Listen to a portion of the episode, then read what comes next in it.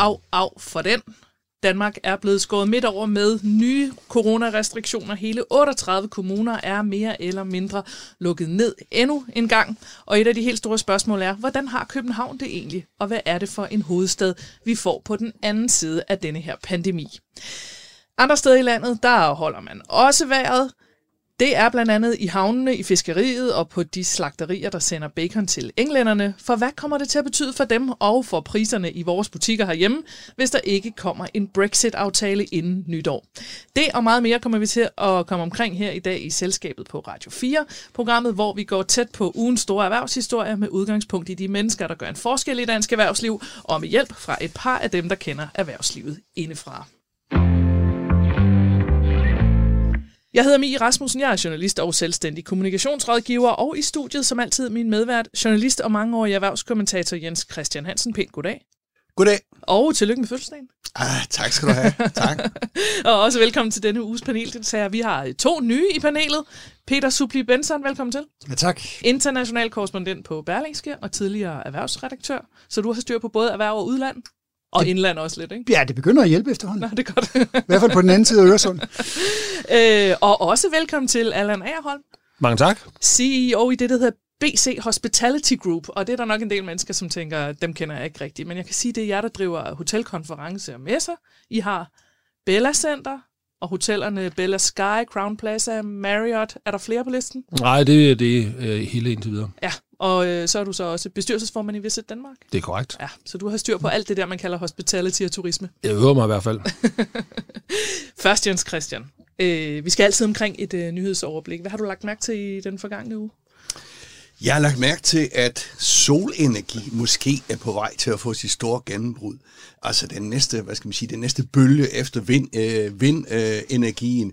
Better Energy, det er sådan et øh, energifirma, og Industriens Pension, som er en kæmpe stor pensionskasse med 400.000 øh, opsparer, de har lige nu puljet øh, deres, øh, nogle af deres penge, så de har 4 milliarder kroner til at investere i, øh, i solcelleparker øh, i Danmark og i Polen. Og samlet set er det øh, til 1000 hektar solcelleparker. Så jeg tænker på, at vi skal til at vende os til at se de, disse store solcelleparker øh, over alt i landskabet. Vi har, jo, vi har jo set dem øh, lidt nogle steder nu, men det bliver nok det næste gennembrud. Jeg tror også, hvis teknologien øh, bliver endnu bedre, så, øh, jamen, så kan de komme op og konkurrere med vindenergien. Nå, det tror du alligevel. Jeg kender øh, Better Energy faktisk, fordi jeg kommer fra Sydsjælland, og når jeg er nede øh, omkring på min forældres egen øh, syd for Næstved, så er de ved at opføre en af de største solcelleparker, tror jeg, nogensinde opført i Danmark. Så det er ligesom sådan der, hvor hvad skal man sige, landskabet bugter sig. Så kan man se ligesom sådan en helt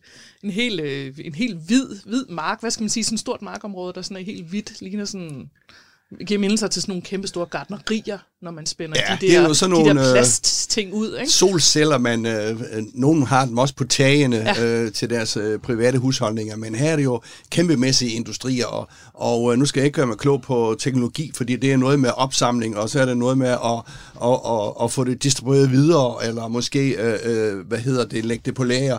Øh, det er lidt problematisk endnu, ikke? Men, men det er jo ingen tvivl om, at solenergi bliver en del af, af hvad skal man sige, øh, den, øh, den energiform, som vi, øh, som, øh, som skal bibringe øh, øh, vores øh, el og energi fremover. Jeg tror kun, det, det, det, det dækker et par procent nu, øh, så, så det er i sin vorden. Så det bliver kun mere ja. øh, fremover. En anden ting, jeg tænkte på, Mi, det er jo, at øh, danskerne har jo siddet og kedet sig lidt her de sidste halve års tid. ja, og hvad gør man, hvis man sidder og keder sig og sparer penge på, øh, jamen så øh, enten donerer man til øh, NGO'er, jeg kan se, det er 165.000 nye donationer til UNICEF alene i år, og en anden ting, aktiehandel. Danskerne er blevet nogle småspekulanter. Ja.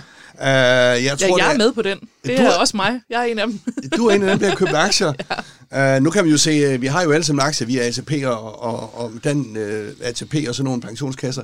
Dem kan vi så ikke lige gøre noget ved, men der er jo mange, uh, et stigende antal uh, danskere, som investerer uh, privat, altså for private midler, og øh, jeg så Nordnet, som er sådan en, øh, en teknisk øh, handelsplatform, IT-handelsplatform, har fået 80.000 nye kunder bare i år. Øh, det er altså noget så, en tendens. Så, så det er jo en ny, øh, hvad skal man sige, en ny sport, vi har her i Danmark. Den er farlig, så man skal passe på. Ja, som, Øh, som vi er også har lært i tidligere programmer. Det vigtige er ikke, hvad for nogle, hvor mange penge man sætter ind. Det vigtige er, at man har råd til at lade dem, til at, lade dem stå længe. Ja, og så er det vigtigt, at du har råd til at tabe. Ja. Det er nok det. Jeg så en uh, professor ude på CBS, Michael Møller, han, øh, øh, han siger, at det er torskedumt, øh, og det er en syg aktiekultur, det her, og folk skulle øh, tage og, og bruge, øh, bruge tid på, på så meget andet. Men jeg tænker nu, at det kan nu være godt at, at, at købe en aktie eller to eller tre, øh, men være klar over, at de også kan gå ned. Nå, men det Du er meget godt, at folk tabe. så siger, at jeg er torskedum. Det, det er min indgang, indgang til aktiemarkedet. Det første emne skal vi videre til i dagens udsendelse. Det er spørgsmålet om, hvordan København egentlig går og har det. Vores hovedstad har i de seneste mange år været en katalysator i dansk økonomi. Der er stor tilflytning, der er blevet og bliver stadigvæk bygget rigtig, rigtig meget. Der bliver skabt, øh, skabt øh, flere og flere jobs i øh, hovedstadsområdet. Men så kom corona, og nu altså også endnu en periode med nedlukning. Så hvordan ser fremtiden egentlig ud for København? Det ser vi nærmere på nu, Jens Christian. Jeg tænkte på at lige at høre dig først inden der er nogen, der beskylder os for at være helt vildt københavneragtige. Kan du så ikke lige sætte et par ord på, hvorfor København betyder så meget for dansk økonomi?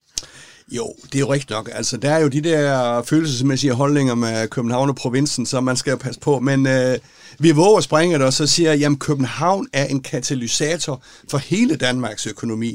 Øh, og det er sådan noget med, at øh, altså, hvis økonomien er god i København, så breder den som ring i vandet. Øh, og hvis man kigger på nogle enkelte tal, så kan man se, at det er Danmarks Statistik, der har givet de tal, så man, man håber på, at de er rigtige. Altså i uh, 2007 for eksempel, så udgjorde Københavns økonomi 29 procent af den samlede økonomi i Danmark. Uh, 10 år efter er det 34 procent. Over, over de uh, 10 år er der kommet 67.000 flere arbejdspladser i Danmark, i København, undskyld, København. i København, og 61.000 færre uden for København. Så bare for at sige, at øh, når København rammer så hårdt nu, så vil det også brede sig som han er sagt dårlige ringe i vandet. København er et af de steder i hele Europa, øh, som er mest betydningsfuldt for hele landet. Uh, det, det, altså, den trækker virkelig meget Altså et hele- land, hvor, hvor, hvad skal man sige, et af de steder i Europa, hvor landet er mest afhængig af sin, sin ja, hovedstad. Ja, ja. Altså, du har jo så, øh, det, vigtigste er jo så, måske er det ikke det, det vigtigste, men Københavns Lufthavn, som er indgangen til hele, øh, til hele, til hele, til hele Danmark, som trækker enormt meget. Ja.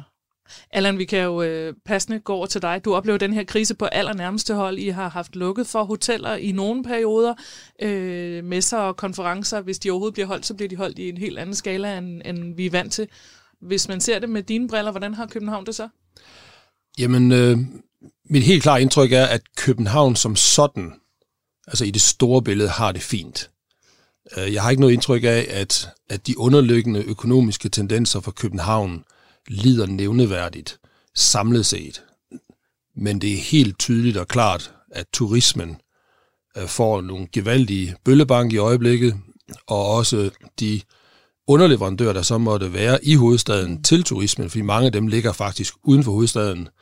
Øh, vores øh, vaskeri ligger på stævn som et eksempel, ja. og det er klart, det har en stor indflydelse på beskæftigelsen lige der. Øhm, og det er klart, det, det er en, en massiv økonomisk og måske uoprettelig øretæve, øh, som turismen den øh, lider lige i øjeblikket. Ja, fordi nu siger du muligt uoprettelige. Jeg er jo nødt til at spørge dig, overlever hotellerne det her? Øh, det tror jeg ikke. Ikke alle sammen. Øh, vi, har, vi har set øh, enkelte konkurser indtil nu. Vi har set, efter min mening, overraskende få konkurser i turismen i hovedstaden. Øh, vi har lidt svært ved at forklare, hvorfor andet end at de her støttepakker, øh, som jo i virkeligheden er en, øh, en mangelfuld kompensationspakke for ekspropriering, at de kommer øh, på et tidspunkt, de kommer sent, øh, og de er nogle gange mangelfulde, men på en eller anden måde har de så også holdt hånden under en del af erhvervet. Ja. Øhm, spørgsmålet er, om den her nedlukning, øh, den kommer til at være dødstødet for nogle flere, måske særligt restaurationerne, som står over for, stod over for deres højsæson, også selvom det var en 22-lukning, så er julefrokostperioden den periode, hvor du tjener til at overleve kvartal 1. Mm. Og den er jo nu væk. Og selvom du så får en eller anden form for omkostningskompensation og, og, og noget løn øh, og, og, og omkostningskompensation, som i øvrigt ikke er 100%, men 75 eller 90%, så, så, så er jeg virkelig, virkelig nervøs på, på mange af mine kollegers vegne. Øh, og jeg tror faktisk, at restaurationerne er, er dem, der øh, har størst risiko. Det er dem, der typisk er dårligst polstret, fordi det er ikke en kæmpe overskudsforretning at drive en restaurant. Nej. Det er en marginal forretning, du skal være virkelig dygtig for overhovedet at overskud. Der er hotellerne historisk dog lidt bedre indtjenende, og har de lagt lidt til side, så har de nok brugt det meste af det nu, men der kunne jo godt være lidt tilbage over hjørnet. Men der er vel også mange hoteller, inklusive jer, jeg tænker, der øh, har nogle penge fra andre. Altså, der er ejet af andre. Ja, ja, men det er de fleste jo i en eller anden form. Nu har vi godt nok mange hoteller i København, som er, er ejet af øh, altså personer i, i selskaber, men, men altså Arp Hansen, det, det slutter jo ved, ved Henning og hans bror. Mm. Øhm, og de har jo historisk tjent gode penge, så, så de har sikkert også på kistebunden til at stå det her igennem med. Men, men tager du mange af de andre hoteller, så, så er det så, så er de ikke i store koncerner som sådan. Vi, vi er en del af noget større, Scandic er en del af noget større, øh, Kommel er en del af noget større, Sleep også, men det er samlet set fortallet af de reelle hoteller. Så, så det er altså øh, Ascot, Savoy, hvad de hedder alle sammen, jamen, det er en forretning, som skal, skal, som skal klare sig igennem det her på, på egen vis, og det fordrer altså en tålmodig bank lige nu.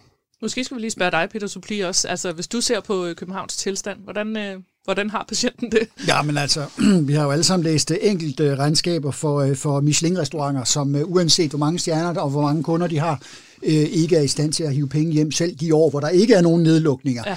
De er ude at hænge, ligesom øh, de der, som, som Allan også taler om, enkelt øh, ejede virksomheder. Det gælder selvfølgelig også øh, hotellerne.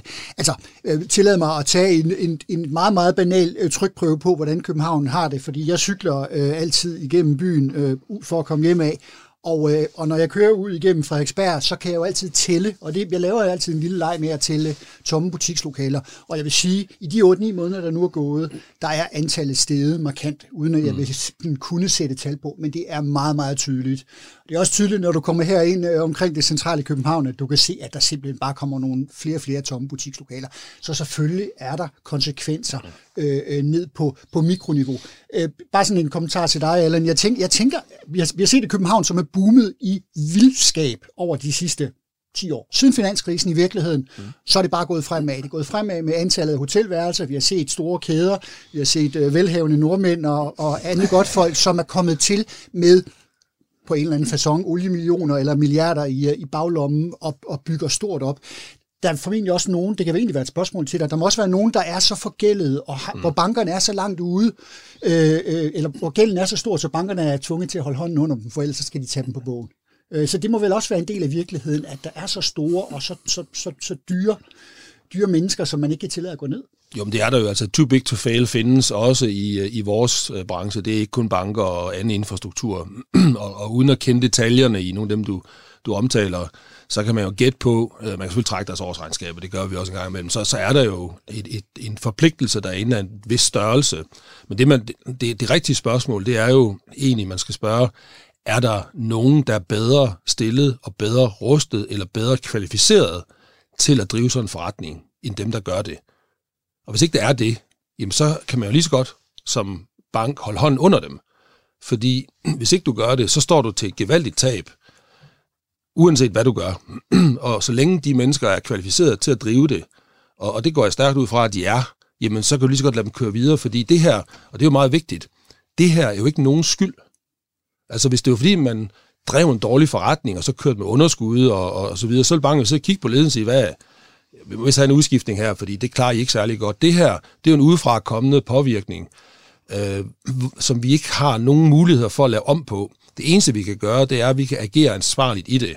Og der kommer det samme spørgsmål så igen tilbage, at hvem er bedst til det? Altså agerer du rigtigst? Og hvis de gør det, jamen så vil banken jo forsøge at, at holde stumperne øh, flydende. Ikke? Altså ud fra det visen om, at vi på et tidspunkt jo skal bruge hotellerne igen. Altså det er altså, en industri, der ikke er, altså, er uddøende. Ja, som sådan. ja, altså grundpræmissen her er jo, at, at turismen den er ikke udslettet, den er bare midlertidigt udsat. Ja. Øhm, Men kan man ikke forestille sig, Lande, hvis jeg lige må sparke ind her, at øh, hvis jeg er bank, mm. så er det rigtigt, som du siger, okay, så skal jeg måske holde hånden under. Men hvordan ser det ud efter vaccinen er kommet? Kommer vi derud på en normal situation, eller siger øh, bankens øh, kreditansvarlige, hovsa, øh, de dårlige skal ud nu? Ja. Øh, hvordan ser du det der? Altså, i København, og specielt måske på hotel, hvis vi holder den til det. det. Det er faktisk to forskellige ting, synes jeg, fordi de dårlige skal ud.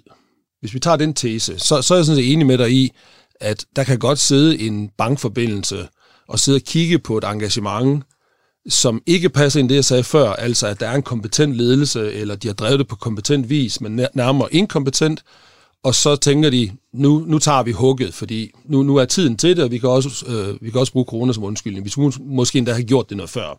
Det kan jeg ikke afvise, at der findes nogle af dem derude. Jeg kender dem ikke lige, men det er der sikkert. Men det er jo ligesom, ligesom man også taler om finanskrisen. Altså, hver gang der er krise, ja. så er der jo nogen, der bukker under, Sådan er som, det. som ellers ville have haft svært ved at overleve. Det er ligesom ude på savannen, de, de syge, de svage og så videre. Ikke? Ja. Og det har vi også set noget af, for vi har set et par konkurser blandt hoteller, og vi har set nogle konkurser blandt øh, restaurationer, og, og uden at gå i detaljer med dem, så kan det jo godt være, at det var de svage, øh, som så blev taget først. Men det, det, det første spørgsmål, du stiller, det er, kunne man forestille sig, at turismen den nærmest er, er død? Det tror jeg simpelthen ikke på. Oh. den, skal, jamen, den skulle være på lydløs. Men det er den også. Jamen, så fik vi noget Frank Sinatra. Den virker ikke. Nå. det må jeg skylde. Nej, hvad hedder det? Øhm, ja, ja, altså, jeg tror jo fuldt og fast på, at H.C. Andersen han havde ret, da han sagde, at rejse er at leve. Øh, og, og det, det, det tror jeg ikke går imod, fordi vi er mennesker. Ej, det tror jeg heller ikke, men man kan jo sige, at det så 80 procent, 70 procent eller 100 procent? Altså, det er vel den vurdering, man skal gøre, det er ikke? Helt, helt rigtigt. Og, og der er der i min optik ikke nogen tvivl om, og du var inde på det lige før, vi sad i et overophedet turismemarked i København, og det vidste vi alle sammen godt, at det kom ikke til at fortsætte. At nogen ignorerer det så og investerede hæftigt alligevel, det må de selv lægge råd med. Men, men det kunne vi alle sammen jo se, at, at det der, det var virkelig altså bonanza, ikke? som der skulle justeres ind på. Og det regnede vi også med, at der ville blive i 2020, og i 2021 og 2022 den sags skyld. Vi var bare ikke klar over, at det blev så brutalt, som det blev. Hvordan vi så kommer tilbage, det er jo en hver mands gæt. Øh, vi tror på, at, øh, og det gør Tourism Economics i øvrigt også, det gør vi i Danmark så i øvrigt også, at vi når nogenlunde tilbage på niveau omkring 2023-2024, der hvor vi var, inden vi gik ind i krisen. Hvad baserer vi det på? Jo, historiske data egentlig, og så ganske almindelige trends, og så trends for de markeder, der er åbne igen, fordi Kina som eksempel, altså indland Kina, er tilbage på indeks 85. Altså i forhold til før corona? Ja, ja. og det er uden international trafik, fordi du kan ikke bare uden videre rejse ind i Kina i øjeblikket. Så det er alene inland tourism, der driver den her øh, efterspørgsel, som allerede er tilbage på det her niveau. Mm. Og, og, og, og det er sådan nogle ting, og de er jo, sådan, de er jo 6-8 måneder ahead of the curve i forhold til os på coronaskalaen, mm. og har så været begunstiget, og jeg siger det her med, med, øh, med lille smil, fordi det er, det er men lidt ironisk også, de er jo begunstiget af at være et regime, forstået måde, de kunne tage hårdt fat. Ja. Ikke? Og så gør folk, hvad der bliver sagt, og så man har ikke nogen selvstændig øh, tankegang og sådan noget øh, eller mulighed for at beslutte noget. Og det gør måske, at de har kunne komme igennem det lidt hurtigere, end vi andre kan. Fordi... Ja, der er mange analyser, der viser, at den måde, de har taklet det på, faktisk har været meget mere effektiv. Ja, den er meget konsekvent. Man, så kan man sige meget om den måde at gøre det på. Det er også der, for nu er det jo et radioprogram, så jeg siger, jeg siger det med et smil, for jeg tror jo ikke på det her som en tilgang. Men, men, men det har bare virket. Mm. Øh, og, og hvad hedder, jeg talte helt konkret med en kollega, der var messecenter derude her for et par måneder siden, og det er altså et par måneder siden, der havde han allerede haft 3,6 millioner gæster igennem hans messecenter uden smittekæder. Hold da op. Siden juni i år, ikke, hvor de fik ja. åbnet op. Men, men, men Jens Christian, jeg, jeg tænker faktisk, der er mange delsvar på, på, på dine spørgsmål, fordi det bliver, et, det bliver et puslespil, der kommer til at afgøre, hvad det er for et, et København, og hvad det er for en turismeerhverv, vi kommer til at se. Lad os starte med flyselskaberne, hvor vi, hvor vi øh, selvfølgelig ved, at de har sat fly på jorden. Øh, vi har set selskaber, der er kollapset. Vi har set i Norwegian, som er nede og have øh, godt en håndfuld flyvende øh, fly i øjeblikket, og vi, vi ved ikke, om de har penge til at komme op igen. Så det vil sige, det der med, de der, de, altså flyselskaber er jo motorerne til for eksempel at hive danskere, eller øh, slutter udlændinge til øh, Danmark, øh, selvfølgelig, og danskere den anden vej, det giver også sig selv. Ikke? Så, så der er en masse ubekendte, vi, øh, vi faktisk ikke ved der. Jeg har det også, øh, jeg har det også, øh, jeg har det lidt... Øh, Altså, der er nogen, der er ude med de store pauker og slår på de store pauker og, og, øh, og råber rigtig højt om, at turismen kommer til at dø, og det tror jeg simpelthen ikke på. Jeg tror jo netop på, øh, der er masser af penge blandt øh, sådan nogen som os. Hvis du kigger på, øh, på det europæiske landskab, så er der masser af penge. Hvis du ser i Asien, så er der en stadig større middelklasse, som, øh, som virkelig gerne vil ud og rejse. Så det skal nok komme i gang, og når efter, efterspørgselen begynder at komme, så øh, kommer det selvfølgelig til at rulle igen. Jeg tænkte faktisk egentlig lige at høre ad, øh, øh Allan, du nævnte også lige, der var ekstremt fart på turismen, du kaldte det en overophedning. Mm. Der var ekstrem fart på turismen, en ekstrem vækst i turister, især i, i indre København. Øh, og der blev bygget rigtig mange hoteller, og var ja. lagt an til virkelig mange, mange hotel, ekstra hotelværelser. Jeg mener, der skulle bygges i omegn af 40 procent ekstra hotelværelser yes. i København inden for de næste par år. Altså, betyder det her, at der kommer til at stå altså, halvfærdige byggerier, eller tomme bygninger, eller hvad er det for en by, hvis man kommer til København? Hvad bliver det for en by, man kører igennem? Altså det, det vi ser lige nu er, at de her byggerier, der er blevet sat i gang, de bliver gjort færdige. Og nogle af dem, der er blevet annonceret, men ikke sat i gang, de er blevet stoppet. Mm. Øh, og det gør, at vi, vi får nogenlunde den der kapacitetsforøgelse, som, som du omtaler. Øh, og det, de skal nok blive åbne også, det er jeg ikke i, i, ikke i tvivl om. Og hvis øh, de her prognoser, de holder, så, så gør det, at der er en forretning i det, fordi så i stedet for at ligge med en gennemsnitsbelægningsprocent i byen for året på lige omkring 80, hvilket er ekstremt højt, jamen så ligger den måske på 70, eller slut 60'erne, eller start 70'erne. Og hvis ellers prisdannelsen, den er fornuftig, og det, det, det er det vigtige her, det er, hvad, hvad kan man få en turist til at betale for at bo på sådan et hotel, mm. jamen så kan du også godt lave en forretning ud af det. Det du nævnte tidligere med, med flybranchen er jo, er jo alt afgørende. Inden de her fly kommer på vingerne igen, så går der jo noget tid, øh, hvad hedder, luftfartsselskaberne af, afskede deres piloter, som, som taber deres licenser. Dem får de ikke igen på en eftermiddag. Mm. Altså det skal de ud at tage, hvis de overhovedet har pengene til. Så der er så mange hjul, der skal trækkes i gang, inden turismen kommer i gear igen, og det kommer til at tage noget tid. Jeg tænkte faktisk lige at høre jer ad om, nu har vi talt meget om hoteller, øh, høre jer om restaurantscenen. Det har jo ligesom været en af de helt store eksportsucceser i Danmark, eller eksport og eksport, men altså det, der har trukket turister til fra hele verden. Øh, tror I, den branche er død nu? Nej, det tror jeg overhovedet ikke. Altså, jeg synes kun, vi ser, øh, vi ser øh, meget, meget stærk øh, over- og, og primært middelklasse, som er villige til at, at købe kvalitet, og det gælder danskere, men det gælder i hvert fald også længere nede i Centraleuropa. Og folk har lyst til, øh, har de vist, at rejse til, øh, til København for, ja, og længere ud også til dels, for at komme ud og få de der madoplevelser. Det kommer, det kommer til at trille igen. Øh, det har bare stort set aldrig været nogen god forretning, men det er jo en, det er jo en branchedrevet passion. Ja. Øhm, så er der nogen, og det ved du Allan sikkert også en masse om, der, der er det her ord køkkenprocenter, hvor god man er til at... og, øh, og, øh, og, Jeg kender godt købeprocenter. Jamen, jeg har nok, jeg, har- jeg, jeg anede, det anede mig, men, men, men det er jo folk, der er drevet af passion. Ja. Øhm, og Så de- køkkenprocent er... Ja, køkkenprocent, det er et spørgsmål om, hvor meget får du ud af råvarerne, og hvor, meget, Ah. hvor, hvor dygtig er du til at håndtere dit uh, antallet af ansatte kontra kunder, og Men Det, er det er så lønprocenter. Peter, ja, det er så også lønprocent. Altså, det er vel også hele underleverandørbranchen. Altså, nu om stunder, hvis du er hen på en, øh, her i nærheden, en almindelig krog, jamen, så er det lokale råvarer, altså, øh, og, og rengøring, og så videre, og så videre. Så du siger godt nok, at de der Michelin-restauranter, det er en dårlig forretning, isoleret set, men det er vel hele den der underskov af jobs, som også er væk nu, og spørgsmål om de kommer ja, tilbage. Jo, men det mener du, de gør. Jeg tror, prøv at høre. Øh, Allan, du, inden vi gik ind, så fortalte du om, du skyndte dig at bestille et bord for at komme ud og spise i mandags, øh, inden, øh, inden øh, lockdown. Mm. Jeg, jeg, var, jeg drønede ud lige præcis i mandags også for at spise af samme grund. Det har jeg også gjort. Og, og, og, og, godt. og, den der tur igennem byen, som jeg også øh, tager hver eneste dag, jeg kunne bare se mandag og tirsdag, hvor mange mennesker der sad, så folk vil ud. Mm. Der er sket noget med, i hvert fald hvordan danskerne, og jo i høj grad også turisterne, de har lyst til at bruge byen og, og by, byens øh, spisested. Det skal nok komme igen. Ja, og det, det, Afsluttende bemærkning fra Ja, men det, det, det, det, vi hører fra leverandørledende i altså de fleste af dem, fordi man kan ikke, der er selvfølgelig nogen, der lider, der er også nogen, der, der, der ikke klarer sig igennem det her. Men fordi at detailhandlen har det så godt, som det så har det, fordi vi er jo så flippet over til at være derhjemme. Vi skal jo stadigvæk spise, og det er vist nok blevet øh, moderne nu at, at, at bage og øh, at lave hjemmelavet mad og hvad ved jeg, i stedet for, når ikke man kan gå ud. Så, så er den del faktisk ganske sund. Så, så de afsætter det den vej rundt, så, så de, de skal nok samlet set øh, klare sig. Og, og så er jeg helt enig i din analyse, at de her ildsjæle, de er der jo stadigvæk. Mm. At selvom en restaurant skulle gå konkurs, øh, så er personerne bagved der jo stadigvæk. Og, og de gør det ikke for pengenes skyld for det meste. De gør det, fordi det er deres liv, det er, det er, deres, øh, det er deres passion, og det er noget, de vil, så de kommer igen på en eller anden måde. Øh, det, det er jeg helt stensikker på. Jeg er faktisk mere bekymret, hvad det er for et, et, et detaljkøbenhavn, vi kommer til at se her på den anden side af corona, hvis, hvis vi må tale om det. Fordi jeg tænker, jeg tænker netop, tomme butikslokaler, dem kommer der mm. altså flere og flere af. Ja. Der er ikke et tvivl om, at hvis vi tager den udvikling, der er set på High Street i, øh, i, øh, i Storbritannien, hvor, som bliver tømt mere og mere på grund af nethandel, mm. og rykker den til Danmark, det tendens har vi set, og nu har vi en situation, hvor vi har en direktør for Sundhedsstyrelsen, Søren Brostrøm, som, øh, som står og siger, lad være med at gå i butik, køb på nettet, hvis du overhovedet kan. Det stod han og sagde forleden dag. Og så gør folk det.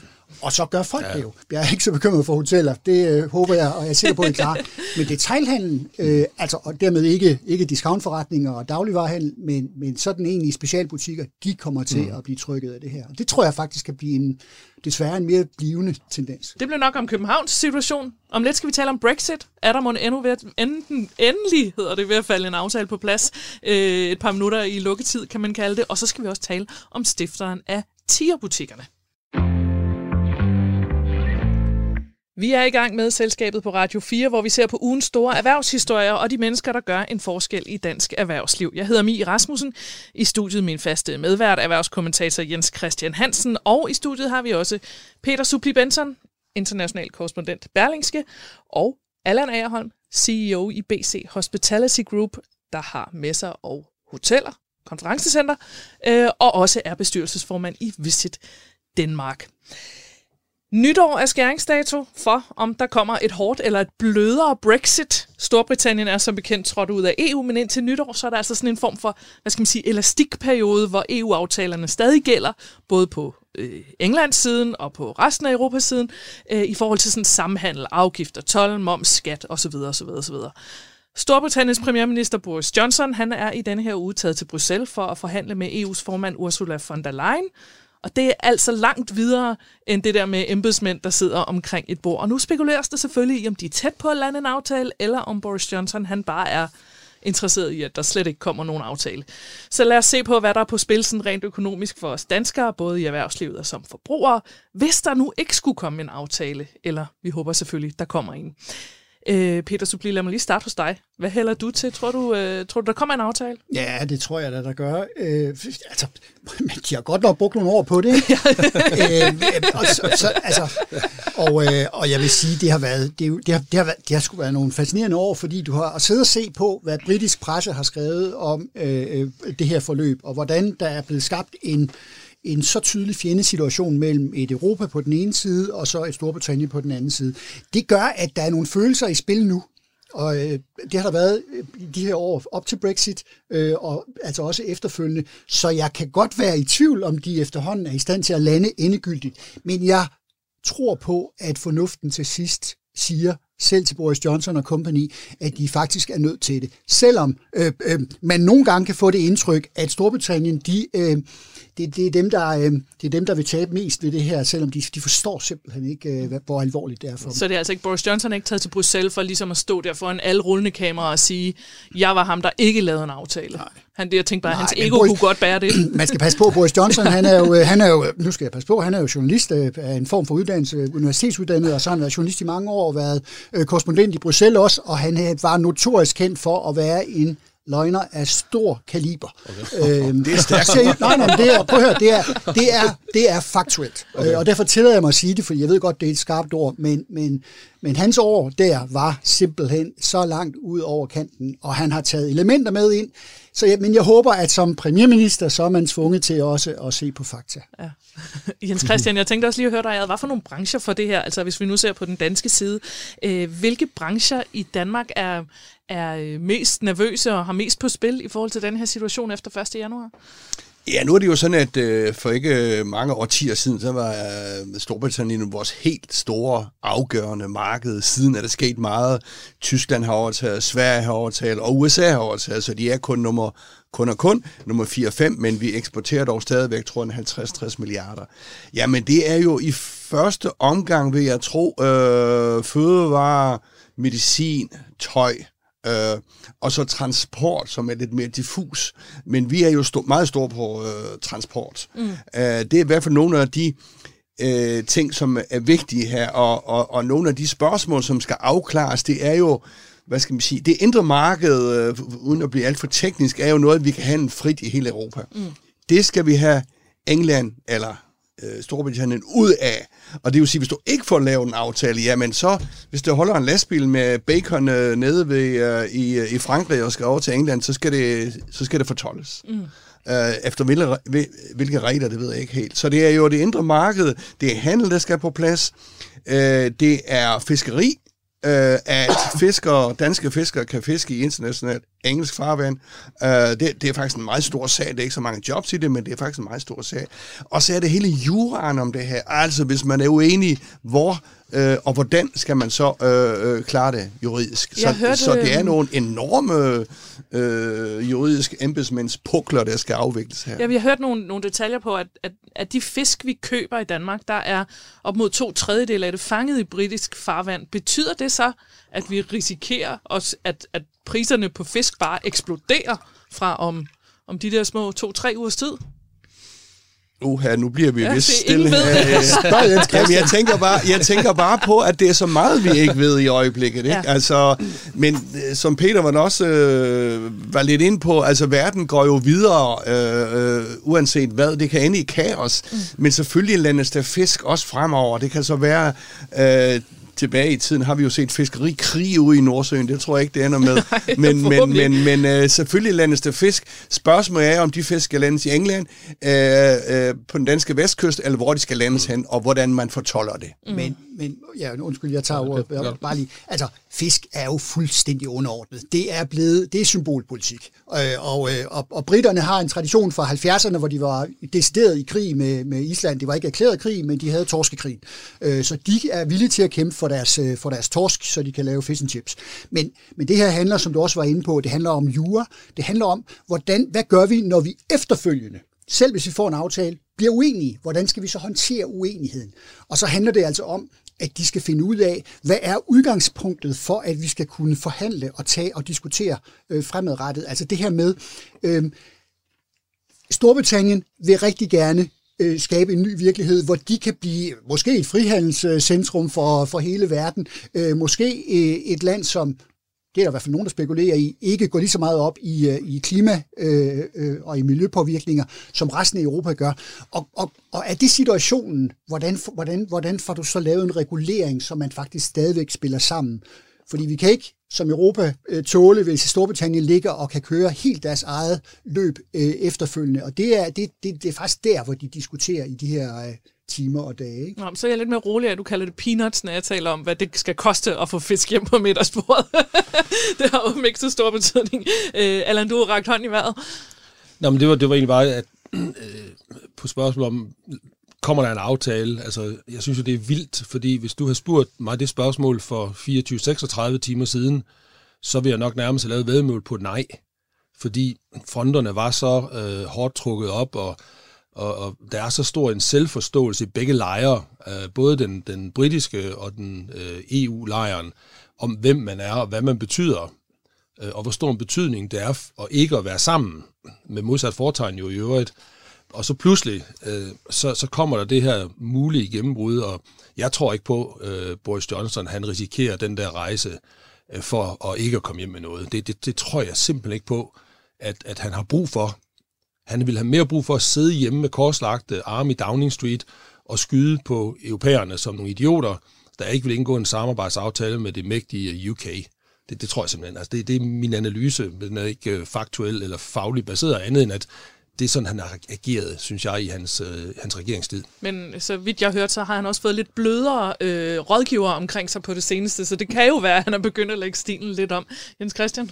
Jamen altså, øh, nu har vi jo øh, en tendens til at se det fra vores side, fra mm. EU's side. Og jeg synes, vi glemmer lidt, måske, og nu kan det være, at jeg bevæger mig ud i noget, jeg ikke øh, øh, rigtig kan dokumentere, men man kan jo, altså, for det første skal Boris Johnson hjem og fortælle, at han har forhandlet det her godt på plads for englænderne. Mm. Uh, det er det første. Og det andet, det er så, det kan jo godt ske, at, at der kommer et økonomisk opsving i Storbritannien, på kort sigt i hvert fald, fordi det skal etableres en masse forskellige nye ting. Det kan man ikke udelukke, og det er også det, man kigger ind på. Om det så er godt på lang sigt, øh, det øh, kan man så tvivle på. Men jeg synes bare at nogle gange, vi glemmer at se det lidt fra den engelske side. Altså nu har de jo altså valgt at melde sig ud, og alle sammen øh, råber vi, at de er, de, er, de er der gale i hovedet. Ikke? Altså jeg tror ikke, de der 60 millioner englænder, øh, som jo er et kæmpe stort marked, sådan også internationalt, og får de en aftale med USA, altså en bilateral handelsaftale med USA, øh, også om øh, Asien osv. Så, videre, og så, videre. så det spændende bliver jo sådan, om det rokker båden i EU her, og hvad det betyder for andre lande, der sidder og kigger, jamen vi vil heller ikke være med, eller vi vil også ud. Øh, så, så jeg synes, det er spændende at se på kort sigt, hvad det ender med i England. Nå, men det er godt, du siger det, vi også lige skal se det fra Englands side, fordi det næste, der står på mit ark, det er nemlig et spørgsmål om, hvad der sker i England. Øh, altså, det er jo vores naboland, og de har massiv økonomisk økonomiske problemer. Jeg har hørt fra en, der har været i England her faktisk i sommer, som sagde, at, som du også sagde, Peter, der er bare der er tomme butikker alle vegne i hele London. Mm. Øh, det er virkelig, virkelig trist at se. Altså, altså hvad, hvad bliver det for et for et London og England, der kommer ud på den anden side af det her? Ja, eller et Storbritannien, ja. fordi nu så hænger Wales og Skotland jo ved, selvom skotterne i hvert fald de vil jo gerne meget gerne selv. vil være selvstændige, og i øvrigt meget gerne vil tilbage i EU, så snart de kan. Mm. Øh, ja, altså Storbritannien er jo en stor, sjov størrelse. På et tidspunkt så jeg bare lidt på tallene, og hvis jeg, hvis jeg husker ret, så er kun omkring 20 godt 20 procent af, af, af deres, deres økonomi egentlig bygget, bygget op eller baseret på produktion. Resten er øh, øh, detailhandel, øh, services, også finansielle øh, ydelser, som de selvfølgelig, London specielt, er rigtig, rigtig store på. Øh, så det er jo blevet et land, som er blevet transformeret øh, i virkeligheden på mange måder nok har tendenser ligesom USA, som også har mistet et produktionsapparat. Mm. Arbejdspladserne er væk derfra, og de er så flyttet over i alt muligt andet. Og, og, og når, når samfundet nu er lukket ned, så er det jo derfor, at deres BNP er styrtdykket øh, meget alvorligere grad end, end det danske. Simpelthen fordi butikker og pops i perioder har været øh, lukket. Så det er, altså, det er et land, som kommer til at stå med udfordringer men også muligheder. Det har du selvfølgelig ret i. Øh, de har lavet de første, de første aftaler. Øh, vi må bare ikke glemme, Storbritannien er meget mere afhængig af, hvad de kan afsætte, også af ydelser, i, til Europa og til Europas lande, end den anden vej rundt. Øhm, og Men det, ved de godt det selv? Nej, og det er, ubal- det er ubalancen. Det er simpelthen ubalancen i det her. Altså, når, når, jeg tror ikke, der er nogen, der havde troet, at, at, at Storbritannien trods alt, trods deres EU-skepsis, ville stemme for et farvel til EU. Jeg, jeg havde ikke troet på det. Øh, det blev så faktum, øh, men også baseret netop på, øh, på øh, nogle, nogle hoveder, som var meget, meget øh, anti-EU. Blandt andet Dominic øh, Cummings, som, ja. øh, som var rådgiver for, for Boris Johnson, og netop er blevet fyret i øvrigt. Øh, øh, så, så altså, der har, været, der har været en tone i debatten, som, øh, som har gjort, at det var muligt. Øh, Allan, jeg tænkte lige at høre dig ad. Altså, hvis nu vi ser på britterne, det er jo trods alt også vores naboland, og vi kan godt mm. selv lide at rejse til London og købe julegaver. Det bliver der så ikke noget af i år. Øh, men i det hele taget rejse på forlænget weekend og øh, rejse rundt og se Barnaby's i England og alt det der. Mm. Og vi kan også lide at få britterne den anden vej. Altså, har det betydning for turismen, det her? Ja, det har det i allerhøjeste grad. Øhm hvis vi nu skræller corona væk, som også har Ja, ja, hvis vi, bort til, ja. hvis vi nu siger i, i, i normale omstændigheder, så er Øh, så er øh, England øh, fra hukommelse det femte eller sjette største incoming marked i dansk turisme, og det er i top 4 i hovedstaden, alt efter hvilket år vi lige får mål på. Ja. Øhm, der skete et lille drop øh, her i forbindelse med øh, pundet øh, faldt ret drastisk i forbindelse med den første runde Brexit for en, er det tre år siden eller sådan noget. Øh, der, der så vi et fald, øh, jeg husker ikke procent, men det var, det var pænt stort fald, øh, så, så det har en, en, en, en ret stor betydning øh, for øh, dansk turisme, øh, hvad, hvad der sker derovre. Og så har det jo stor betydning, hvordan de økonomisk har det, for det man skal huske er, at, at det engelske, øh, den engelske befolkning er, er meget ulige. Altså der er stor ulighed ja. mellem en, en relativt lille elite, der er op til meget, meget velhavende, og så er der en kæmpe mængde øh, af normale engelske arbejderklasser, som ikke er særlig velhavende, mm. øh, og som i virkeligheden kun tjener til dagen og vejen. Øh, og hvis deres beskæftigelse, øh, den er så stedet igennem årene, jo, ligesom alle andre i virkeligheden i Europa, men hvis deres, og de, så har de et velfærdssamfund, der ikke holder hånd under dem, nærmest slet ikke. Og det vil sige, hvis deres beskæftigelse så begynder at forsvinde, enten på grund af corona, eller på grund af Brexit, eller på grund af begge dele i øvrigt, altså hvis man ganger de to, så, så er det jo også nogen, som ikke har den velfærd og velstand, der skal til for at, at bevæge sig rundt. Øh, så, så det kan blive sådan en, en double whammy, ja, de kan ikke, og de må i øvrigt heller ikke, øh, og, og, og, og så gør det ondt. Ja vi krydser fingre for, at der sker noget. Har du en afsluttende bemærkning? Nej, men jeg tænker også bare lige på det, altså London er tæt på, ikke? Og der bor jo omkring 50.000 danskere i London og London-området, sandsynligvis de fleste af skattemæssige hensyn. Hvad det her så kommer til at betyde for dem, jeg tror næppe, de rejser hjem, men det gør det i hvert fald sværere for 50.000 mennesker, som lever deroppe. Det er så typisk nogen, som er højt på strå øh, og har mange penge, øh, men, men øh, det er jo en øh, lille interessant detalje også. Det kommer også til at betyde noget for dem, hvordan de kan flyve frem og tilbage til Danmark, fordi man jo skal, man kan ikke bare sådan gå gennem fast track, vel? Der, der kommer pludselig nogle mere, øh, øh hvad skal man sige, indviklede regler om, hvordan man kommer ind og ud af fly, når man ikke længere tilhører EU. Hver uge så tegner vi her i selskabet et portræt af en person, der spiller en rolle for eller i dansk erhvervsliv, og i dag der skal vi have fat i en iværksætter og erhvervsmand, der i hvert fald før corona havde 200 mennesker til aftensmad mange dage om ugen. Jamen altså, der er fællesspisning, og folk kommer og spiser klokken 6, øh, og så er det sådan stort set hver dag. Øhm, og så tror jeg, at måske i dag er, der, er det torsdag, så er der banko. Der er ved at være over 200 mennesker. Så I er velkommen til. Om fem minutter, så ved vi det. Men jeg kan ikke love jer, at der er plads. Ja, han må altså afvise folk i døren, der er selvfølgelig tale om øh, iværksætteren Lennart Leibuschitz, manden, der startede tierbutikkerne. Og her øh, var det et klip fra et indslag i øh, TV2 Lorry. Øh, Lennart Leibuschitz, han er jo nok stifter af tierbutikkerne, men for mange danskere, der er han i dag næsten lige så kendt for at have startet, for at have restaureret et badehotel i Hornbæk, for at have restaureret og bygget hotel på Christianshavn og bofællesskab, hvor han også selv bor. Øh, og så ikke mindst for at have overtaget den her Absalon-kirken, hedder den, på Vesterbro i København, og bygget den om til et yber populært medborgerhus, forsamlingshus, man kan kalde det mange forskellige ting, også med, med øh, fællesspisning. Øh, Jens Christian, nu, nu kommer jeg med en masse kulørte ting omkring ham, men ham her, Lennart Leibuschitz, som iværksætter og erhvervsmand, hvem er han? Ja, hvem er han? Han er jo sådan en, øh, som du siger, en typisk iværksættertype. Uh, hvis jeg husker ret, så gik han ud af skolen som 16-årig, og det kan vi godt lide at høre. Det er sådan lidt eventyragtigt. Uh, men The han American kan, Dream. Ja, ja, ja. Altså, det er sådan en person, som kan se nogle muligheder. Han har sikkert også haft mange uh, kicks, uh, men han er sådan en købmand. Og så pludselig så fik han jo øje på de her billige ting, køb billigt og sælg øh, ud i, øh, på nogle øh, loppemarkeder, hvad ved jeg. Jeg tror, det startede på den måde. Og så har han så fået etableret øh, denne tier øh, øh, øh butikkæde, øh, kæde, som nu har 900 butikker over hele verden. Altså det er en milliard øh, forretning, hvor man køber øh, billige dibedutter, billige ting i Kina og sælger dem øh, billigt øh, i og første omgang. du sidder allerede og griner i skægget. For, og jeg har masser af det stående hjemme. Ja. For en tier. Og, og de er vilde med det. Ja, men det er, og, så, og han har jo set et marked der. Ja. Øh, og øh, pludselig så, når man har sådan nogle iværksættere, øh, og det brager løs, de omsætter for 5 milliarder kroner nu øh, worldwide, jamen så kommer disse kapitalfonde ind. Så for ah, det er efterhånden 7-8 år siden, tror jeg, så solgte han 70 procent af virksomheden til en kapitalfond, en svensk kapitalfond, der hedder EQT, for halvanden milliard. Og det er de halvanden milliard, han nu bruger i en, øh, hvad skal man sige, jeg tror, han kalder det en social revolution.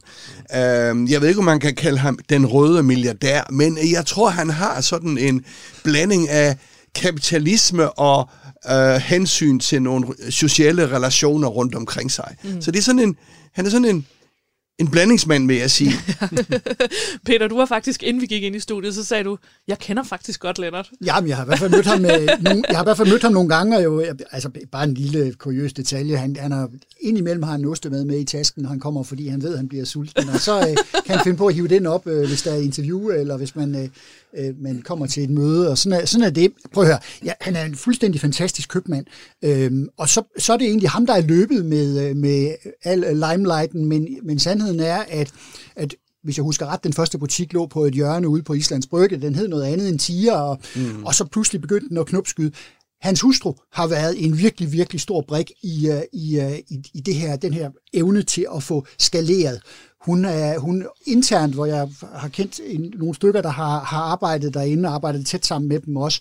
Hun bliver omtalt som hende, der har sørget for, at der bliver lagt en, hvad skal vi kalde det, stilmæssig linje, fordi hvis man er grov, det kan vi finde på at være indimellem, så, er, så, så, er, det, så er det billigt. Så, så en del af det, der er i de, deres butikker, har altid været meget billige ting, som, som, som man kunne finde mange steder. Men indpakningen, øh, udformningen af butikkerne, øh, gjorde, at tingene så måske egentlig bedre eller lidt lækre ud, end de i virkeligheden var. Og, øh, og så har de haft... Kom i virkeligheden jo bare et, hvad kan man sige, bare, men man kan sige, der er et koncept. Jamen, der, er, der, Altså, det er ikke, præcis ikke, det, det, er, et selvom koncept. der er ting i kasser, ikke? Og så har de, i hvert fald synes jeg, i en periode formået netop også, øh, måske lidt ligesom periodevis Søsterne Grene også har gjort, øh, og faktisk finde nogle, finde nogle, øh, skabe nogle trends, så rigtig mange er stormet til butikkerne og har købt øh, ting til, til boligen øh, relativt billigt. Ja. ja. Og der bliver, der bliver Lennarts øh, hustru i hvert fald omtalt som en af dem, der var med til at holde fast i den linje. Sørg for, at der var en enart. Og øh, nu taler jeg bare videre. Øh, så kom IQT til, øh, og så kommer der Som jo penge kapitalfond. som er en kapitalfond, og det er pengemænd, og de skal jo de skal se, hvordan kan vi, øh, hvordan kan vi skalere forretningen, øh, hvordan kan vi, øh, hvordan kan vi udvikle til flere og flere lande, og hvordan kan vi få et koncept til at komme ud. Og der begyndte de måske at blande sig, hvis jeg, hvis jeg tillader mig at se udefra. Øh, øh, og det er der, at det, det kan være, du kommer til at tale om det, begyndte at gå galt. Jamen, det er jo lige præcis det, altså. Og det er jo før coronaen, det begyndte at gå galt. Det var jo sådan set i 2018, de havde et underskud mm. på en halv milliard kroner.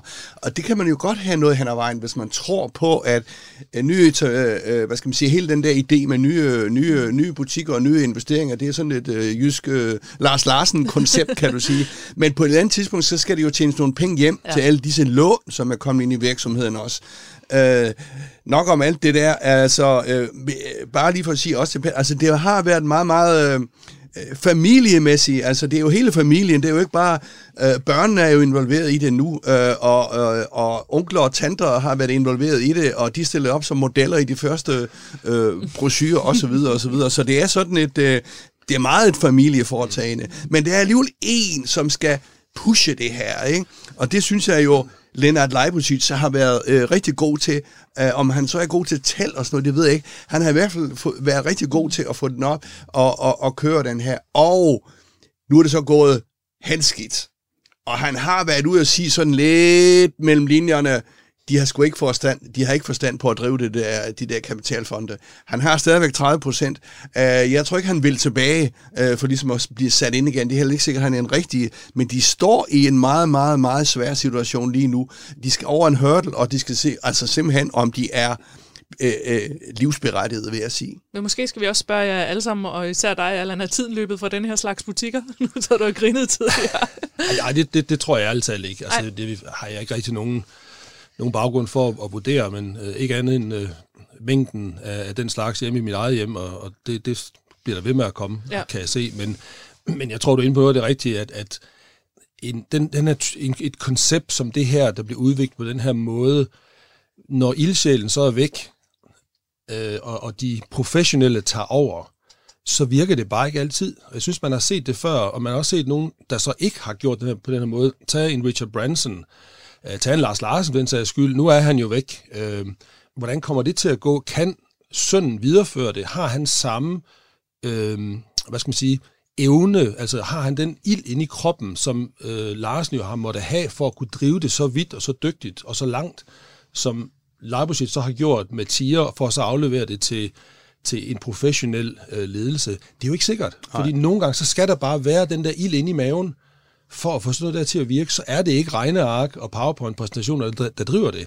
Det er fornemmelse. Altså, ja, det Måske er det. for forretning. Og, og, og det kan være, jeg ved, jeg kender ikke uh, Lennart Leipzig, jeg har aldrig mødt ham, men, men det, kan jo, han kan jo være, det kan jo være sådan en type, der aldrig nogensinde har været struktureret, eller aldrig har lavet en PowerPoint-præsentation. Han ved ikke, hvordan han skal åbne det, men han ved, hvordan han skal drive en tierbutik. Det kunne jeg da godt forestille mig, at det var sådan, Ja, det hang det kunne jeg sammen. nemlig også godt, Ja. Men nu var der så mange eksempler på alt det, han så får sin tid til at gå med nu, altså at bygge, øh, restaurere Orlovsmuseet og købe gamle bygninger og bygge det om til bo, socialt bofæ- bofællesskab og bygge, restaurere, øh, øh, hvad hedder det, badehoteller og så videre og drive forsamlingshus. Hvorfor gør han det? Men hvorfor ikke? Ja, Det vil jeg også sige. Tænk, øh, tænk fordi han kan. Ja, altså, det er, det er jo fuldstændig fantastisk, Altså- hvis man er hovedet fuld af idéer. Så ja, og ikke? du har også øh, øh, øh, fyldt med penge. Altså i gamle dage, når folk fik penge, så satte de sig ned og klippede kuponer, som man sagde, ja. ikke? Altså, og, og skovlede penge ind. Men øh, for pokker, i sidste uge snakker vi om Lars Seier. Ham kan man have mange forskellige holdninger til. Men han driver nogle drømme, øh, han øh, lever nogle øh, drømme ud, øh, og, og det koster så nogle penge. Men hvad så? Øh, med Har han, Lennart for han fået, vi sagde, Lars Seier, han trak 2,5 milliarder ud af Saxo Bank. Har øh, Lennart Leibowitz lige så mange penge? Nej, ja, lige knap. Han er måske øh, kun, i anførselstegn, halvanden milliard. Øh, men Det kan du også restaurere nogle bygninger i det kan, du også, det kan du også købe. Uh, og han er sådan begyndt at blande sig en lille smule i politik. Jeg så her for, for nylig, han kaldte uh, politikerne for visionsløse, og at al udvikling skulle ikke komme fra politikerne, det skal komme fra relationen mellem mennesker uh, nede på græsrodsniveau. Og det lyder meget, meget, meget rigtigt og godt, men jeg tror faktisk, han tror på det selv også. Så han, kan, han er måske ved at forsøge sådan at markedsføre sig selv som sådan en, hvad skal man sige, en kreativ tænker, eller sådan... Jeg, jeg tror altid ikke, det er markedsføring. Jeg, jeg tror, det er sådan, manden er. Det tror jeg også. Altså, jeg tror virkelig, nu, nu har han lavet den der forretning og tjent en masse penge, og så har han noget, han skal lave. Og det går han ud og laver. Og jeg synes, det er vildt sympatisk, det han går og laver, fordi det er noget, der, det, det, er, det, er, det er noget, der giver noget tilbage til nogen. Øh, og min bedste vurdering er, at det, det er noget, han gør, fordi det vil han. Det, og så tror jeg egentlig, han er ret ligeglad med omtalen. Er der en tendens til, at flere gør det her faktisk? Har I nogle eksempler på andre, der gør det her med sådan at lave, hvad skal man sige, lave forsamlingshuse? Man kan jo gøre det på alle mulige måder og lege filantropist, ikke? Åh, oh, altså det er måske mere fondene derovre i sådan nogle filantroder. Men altså man kan jo sige sådan, øh, hvis folk har mange penge, så kan de jo gøre det. Øh, for nogle år siden, der skulle øh, alle rigmænd have været sin golf, øh, golfbane. Ikke?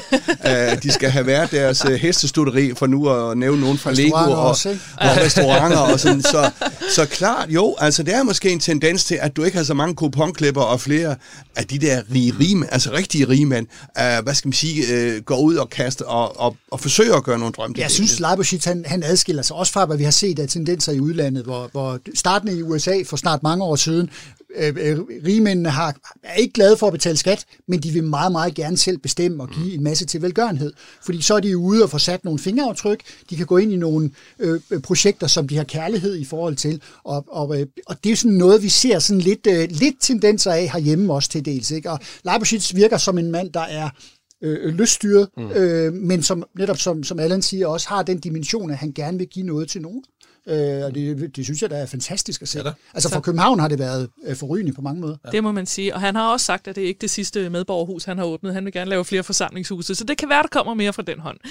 Det var alt for i dag. Øh, tusind tak til vores gæster, Allan Agerholm, og tak til Peter Supli Benson fra øh, Berlingske. Og øh, Jens Christian Hansen, tak for i dag.